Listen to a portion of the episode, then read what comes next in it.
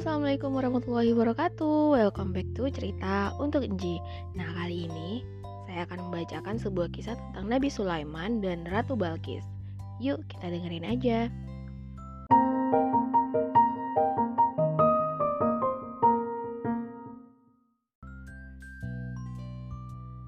Pada hari itu, Nabi Sulaiman mengadakan sebuah pertemuan penting. Seluruh anak buah Nabi Sulaiman dikumpulkan. Dia mulai memeriksa barisan burung-burung. Salah satu keganjilan di sana, sehingga Nabi Sulaiman bertanya, "Aku tidak melihat burung hut-hut di barisan. Kenapa dia tidak hadir? Apa halangannya?" Tanya Nabi Sulaiman. Semuanya saling pandang karena sama-sama tidak tahu. Entah kenapa hut itu gak datang. Perbuatan Hut-Hut jelas melanggar disiplin. Kesalahannya ini bisa membuatnya mendapatkan hukuman. Nabi Sulaiman marah. Aku akan menghukumnya dengan berat. Kalau perlu dia akan kusembelih. Kecuali dia mempunyai alasan yang tepat. Tak lama kemudian burung hut-hut datang. Dia tergopoh-gopoh menghadap Nabi Sulaiman. Maafkan aku datang terlambat. Aku tak bermaksud melanggar disiplin. Baru saja aku menemukan sebuah negeri yang aneh. Rupanya, Hut-Hut baru pulang dari negeri jauh. Negeri yang dikunjunginya bernama Sabah. Ibu kota kerajaan Sabah adalah Ma'arib. Kira-kira terletak di negara Yaman sekarang. Burung Hut-Hut kemudian bercerita. Kerajaan itu dipimpin oleh seorang perempuan namanya Ratu Balkis. Kerajaannya maju dan rakyatnya hidup sejahtera. Bahkan ratunya mempunyai singgasana yang mewah. Nabi Sulaiman mengerti dan bisa berbahasa burung. Kabar dari Hut-Hut membuatnya mengancitkan dahi. Lalu kemudian Nabi Sulaiman bertanya,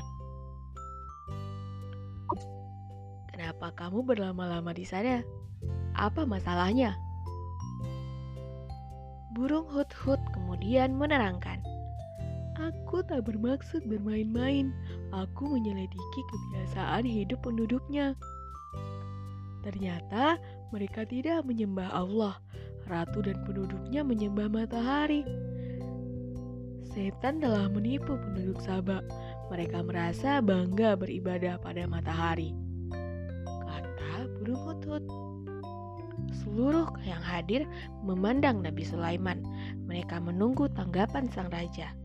Nabi Sulaiman kemudian berkata, "Kamu membawa berita yang penting, tapi kami tak tahu apa sebenarnya yang terjadi. Apakah ucapanmu benar atau bohong? Pergilah ke sana dan sampaikan suratku. Jatuhkanlah kepada mereka tuh mereka. Lalu mata-matai apa yang mereka bicarakan." Kata Nabi Muhammad. Burung hut-hut menerima surat dengan mengepit di paruhnya. Sang burung terbang menunaikan tugasnya. Ketika sang ratu berada berdiri di uh, jendela istana, hut-hut menjatuhkan surat di pangkuannya. Lalu dia terbang menghilang. Ratu Balkis kaget membaca isi surat. Dia segera mengumpulkan para bangsawan istana. Wahai para pembesar istana, seekor burung menjatuhkan sebuah surat padaku. Isinya sangatlah mengejutkan. Para bangsawan istana kaget. Mereka memperhatikan sang ratu. Tolong ratu bacakan suratnya, pinta seseorang. Ratu Balkis lalu membacakannya. Dengan menyebut nama Allah, Sang Maha Pengasih lagi Maha Penyayang. Janganlah kamu sekalian berlaku sombong terhadapku Datanglah kepadaku sebagai orang-orang yang beriman kepada Allah dari Sulaiman, nabi utusan Allah. Sungguh mulia isi surat itu. Tujuannya mengajak untuk beriman kepada Allah. Ratu Balkis kemudian bertanya, "Wahai para pembesar, berilah aku pertimbangan. Aku tidak pernah memutuskan sesuatu sebelum dimusyawarahkan." Panglimanya yang berkasa kemudian menjawab, Kerajaan kita memiliki pasukan yang kuat. Para prajurit kita sangat berani bertempur. Keputusan berada di tangan ratu. kami siap melaksanakan perintah. Tampaknya sang Palima tersinggung dengan surat itu. Dia sudah siap berperang. Situasi istana jadi menegangkan. Terbayang perang besar akan pecah, berarti darah dan nyawa akan dikorbankan. Sang ratu khawatir keselamatan negerinya. Dia berkata, "Biasanya raja-raja memasuki negeri lain untuk merusak. Mereka akan membinasakan negeri ini. Penduduknya yang mulia akan menjadi hina. Sulaiman bisa saja melakukan hal itu pada kita. Tapi Ratu Balkis tak mau terburu-buru berperang. Mereka ingin mengetahui kekuatan kerajaan Nabi Sulaiman. Suatu rencana hebat sedang disiapkan. Ratu Balkis kemudian mengeluarkan perintah. Aku akan mengirim utusan terhadap Sulaiman. Mereka akan membawakan hadiah-hadiah yang banyak. Kita akan menunggu berita dari utusan itu. Nah, banyak sekali perhiasan yang dibawa oleh utusan itu. Harapan mereka semoga Nabi Sulaiman suka. Akhirnya rombongan khusus itu sampai ke tujuan. Mereka langsung terbelalak. Belum pernah mereka melihat kerajaan sehebat itu. Kerajaan Nabi Sulaiman sangat menakjubkan. Banyak sekali istana yang tinggi dan megah, taman-tamannya juga indah. Pasukannya sangat banyak, terdiri dari manusia, jin, bahkan hewan. Rombongan mulai merasa gentar, tapi mereka harus menunaikan tugas dari ratu. Utusan Ratu Balkis kemudian menghadap Nabi Sulaiman. Mereka mempersembahkan hadiah-hadiah itu supaya Nabi Sulaiman senang. Biasanya raja-raja suka dengan harta benda. Tapi bagaimana dengan Nabi Sulaiman? Hmm. Nabi Sulaiman kemudian berkata dengan tegas, "Apakah patut kalian memberiku harta padahal Allah memberiku lebih banyak?" Harta yang kalian bawa tak ada apa-apanya. Jangan kalian mengira aku tergoda dengan hadiah itu. Bawalah kembali semua hadiah kalian. Aku tak butuh itu. Aku bisa saja menyerang kerajaanmu, dan kalian tak akan mampu melawan.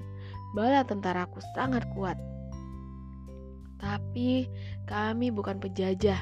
Tujuanku mengajak pada kebaikan, bukan mencari harta benda. Maka berimanlah kepada Allah Muka mereka tersunduk malu. Ratu Balkis pun heran mendengar penuturan dari utusannya. Ratu Balkis bersama pembesar kerajaan Sabak berangkat ke sana. Mereka ingin membicarakan perdamaian dengan Nabi Sulaiman. Rencana kedatangan Ratu Balkis telah diketahui. Nabi Sulaiman menyiapkan rencana khusus. Nabi Sulaiman bertanya, Siapakah yang sanggup membawa singgah sana Ratu Balkis kepadaku? Singgah sananya harus ada di sini sebelum mereka sampai. Jin Ifrit terkenal sangat cerdik. Dia menjawab, Aku sanggup mendatangkan dengan cepat singgah sananya. Sananya bisa tiba sebelum Tuan berdiri dari duduk. Aku yakin mampu melakukan itu. Tapi ada seorang ulama yang soleh, dia sangat rajin beribadah ilmu pengetahuannya sangat luas. Dia berkata, Aku bisa membawa singgasana lebih cepat, bahkan sebelum matamu berkedip. Belum sempat Nabi Sulaiman mengadipkan matanya, saat itu juga singgasana Ratu Balkis hadir di hadapan. Sang Nabi sangat bersyukur dan memuji Allah. Ini termasuk karunia Allah untuk mengujiku apakah aku bersyukur atau mengingkari nikmatnya. Nabi Sulaiman memerintahkan agar singgasana sedikit diubah. Singgasana itu tak lagi punya mahkota namun bentuknya masih asli. Warnanya tetap kemilau keemasan. Dan kemudian rombongan Ratu Balkis tiba di istana. Nabi Sulaiman mempersilahkan sang ratu duduk. Ya ini memang singgasanaku. Tapi kenapa ada di sini? Diam-diam dia sadar dalam hati. Dia pun sangat kagum kehebatan Nabi Sulaiman memang luar biasa. Kemudian Nabi Sulaiman mengajak tamu-tamunya jalan. Ratu Balkis dipersilahkan berkeliling menikmati keindahan istana. Lantai istana sangatlah bening karena terbuat dari kaca. Ratu Balkis mengira sedang berjalan di kolam air. Ratu Balkis pun mengangkat pakaiannya sehingga kedua betisnya kelihatan. Nabi Sulaiman kemudian menegur, "Jangan singkap pakaianmu. Ini bukan kolam air. Lantai istana ini terbuat dari kaca." Ratu Balkis menjadi malu dia sadar bahwa kekuasaan Nabi Sulaiman sangat hebat. Itu semua karunia dari Allah. Ratu Balkis kemudian berkata, "Ya Allah, aku menyatakan diri beriman." Nah, cerita ini dikisahkan dalam Al-Qur'an dalam surat An-Naml ayat 44 yang artinya dikatakan kepadanya, "Masuklah ke dalam istana." Maka Tatkala ia melihat lantai istana itu dikiranya kolam air yang besar, disingkapkannya kedua betisnya. Berkatalah Nabi Sulaiman, Sesungguhnya ini adalah istana licin yang terbuat dari kaca. Lalu Bilqis berkata, Ya Tuhanku, sesungguhnya aku telah berbuat zalim kepada diriku, dan aku berserah diri bersama Sulaiman kepada Allah, Tuhan semesta alam.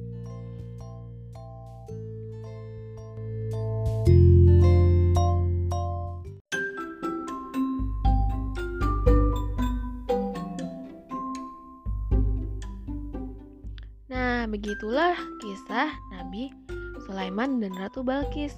Ratu Balkis seorang pemimpin yang bijaksana yang mencintai perdamaian sehingga rakyatnya selamat dari perperangan. Bahkan mereka mendapat keselamatan dunia akhirat setelah memeluk Islam.